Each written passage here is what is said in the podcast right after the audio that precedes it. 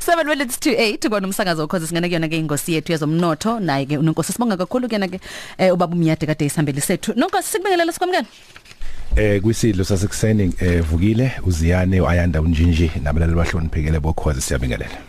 nonkosi ngesonto ledlule sibheke i-waste economy nobukhulu bayo eningizimu Afrika. Sibeka lokho nongcebo ngeviki edlule namhlanje siqhubeka nalokho.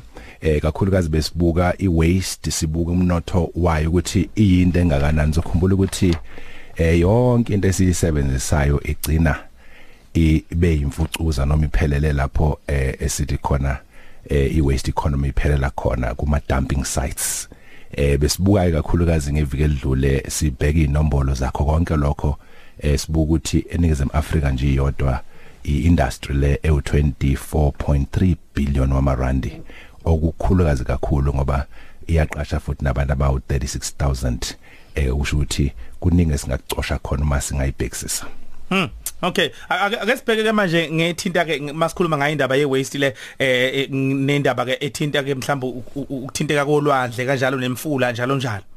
Ziyani zokhumbula ukuthi em imfula no nelwandle ikhona eh zi ziyinto ebaleke kakhulu empilweni zethu. Kunjalo. Okucacile kamva ukuthi eh imfula namanzi la esiwasebenzisayo neindawo eziningi sekukhona ukungcola okuningi okusuke kuhlala kungena khona ngenxa yemkhiqizo ethile ehlukahlukene nangendlela esisebenzisa ngayo izinto esisuke siyithengile bese sigcina singazithathi sifake la fanele siphonse khona ukuze ezikwazi ukuqoqeka kahle njengoba sikhuluma ngewaste economy nje.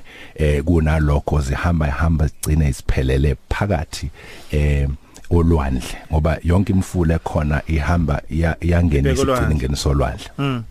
Yebo. Ngiyazi ukuthi ukhathidi uyazithanda lezi inhlelo eh lezi eziyayiziveza kakhulu ilwane abantu khona lelo ntombazana lomlandelayo nje khathidi lo dobayo lo doba ama obabule hey mm. kwakwavela isimanga wekhathide ukuthi ukuthi alisabuyi kahle igama lendawo la. Abantu asebeyifake ngalendlela imfucuza ukuthi izinyoni zakhona azisakwazi ukuthi ziphile. So baya oso science ke bayazithatha ke bazivule ngaphakathi. Zibulawa udoti. Izivalo zamabhodlela. Itrol ezisiphuza ngazo onemenite njalo njalo. Nemkhoma khona umkhoma wekhathide usanda kuvezwa ngesonto ledlule eh otholakale u usosebeni lolwandle kwathiwa kuma kubhekwa. Uma uvulwa phakathi esiswini. Kwatholakala ongakanani uplastic. Yey yonke inhlobo yesipakpako ngayicabanga yigubhu zamajuice yini yini phakathi wazogcina ngokufa. Kunjalo kunjalo noncebo uma ubheka lana eh ukuthiwa 260 million wama tons eh ka plastic eh u10% wawo ugcina uphelelo lwandle. Eh into enkulu kabule ngoba u26 million wama tons lowo icathulo ama toothbrush la siwasebenzisayo eh zonke izinto ezingo plastic ngisho nalokho okuncane osukuthi usula ngakho ama wiping ama wipers. Eh kuhamba hamba egcina kuphelele phakathi eh emfuleni. Eh okubuye kube inkinga kakhulu okukhona ukuthi lezi zinto zidliwa yilwane njoba senichazile.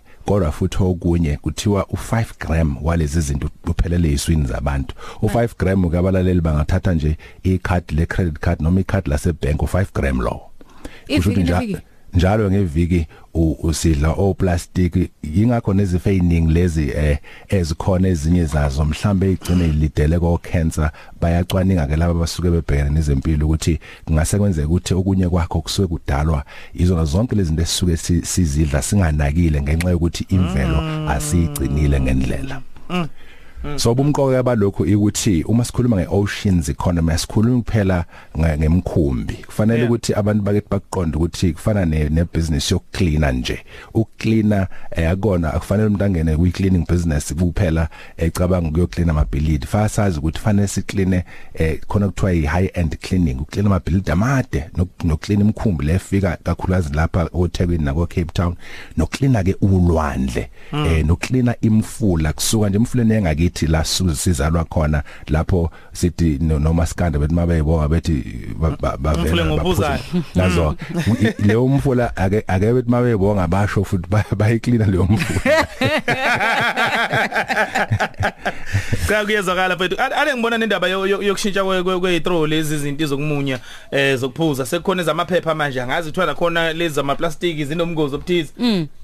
Kunjalo bayithanda thande ngezinye abantu lezi ezisuke uthi moyifakele bese manje iphelela khona lapho eh, I-carton ejuicini. leli, mm. eh kodwa ngicabanga ukuthi kuyi- kuyi kuyi- kuyi- kuyiqathe lihle liyaphambili elihambisana nokuthi asenze izinto manje ezohambisana nokuthi zinakekele imvelo ngoba imvelo siphila ngayo imvelo eh iubaba nomama wethu masike singayinakelanga ngendlela ngempela izinto ayihambi kahle unonkosi ngesonto edlule uzokhumbula ukuthi sike sathinta nje kafishane indaba yokuthi i- i- iplastiki ngale kokuthi ke kuthiwe asi- asu- singawusebenzisi kanye siuntshinge kuningi ongakwenza ngoplastiki nezinto lezi zaplastiki silokho siyisebenzisa ngeindlela ezahlukahlukene. Kodwa nanokuthi iplastiki sa- senza eh, isibonelo ngendaba ukuthi khona indwange kwazi ukuthi ikhandeke ngokuthi kugaywe iplastiki. Ibalekile ke indaba ukuthi kufukanyelwe amabhizinisi asebenzisa yona imfucuza le ukuthi kukhandwe iminye imikhiqizo. Indlela ke abantu abangasebenza ngazo eh, nongcebo ukuthi bayiqoqe eh bakhe ama associations bathathe ithuba lokuthi uma kuza eh, ama malls eindaweni zangakubo lama malls awangaklinwa abantu abasuka kude awaklinwa abantu abakhona lapha abathenga khona abadla khona lapha. Eh so si sinohlelo ke ngoba ngesiqede zonke izinto la. Abalali bokhoza abangasithinta ngalo olihambisana nokuthi siphusha abantu bakithi sibancedise ukuthi bangene kakhulu kulomnotho eh, we waste ofisa ukuxhumana nani nonkosi office sixhumana nathi sinama seminars nongcebo akhona. Khumbula ukuthi ngonyaka odlule besinamandla omnotho grand conference. Silungisela yona nakulonyaka eh, es- esiplan ukuthi ibe nabantu nga- ngabangaphezulu kwenkulungwane kunalaba babe u500 ngonyaka odlule. Eh, so ke kuningi sobe sikwenza ukuphushela ukuthi ngokuphela kaOctober sibe nayo leyo nkomfa ukusiza abantu bakithi ngokwezomnotho. Ngomhla ka28 kuAugust silapha eMtuba kubaba umeya uGumede benginaye ngale weekend. Sizobe sokhuluma ngetextile and leather seminar. Mm. eh bese ukuthi siba seNewcastle ngeviki elizayo sokuchaza kahle ukuthi kuzobe kukuphi. Eh, eh na cryptocurrency sobe sinawo la egoli ngolesine abafuna ukusithinta bangathi 08222 52217 0822522217 ku WhatsApp so baphendula zonke lezi zinto esikhuluma ngazo www.amandlaomnotho.co.za sibonga kakhulu shobatha nkosazana.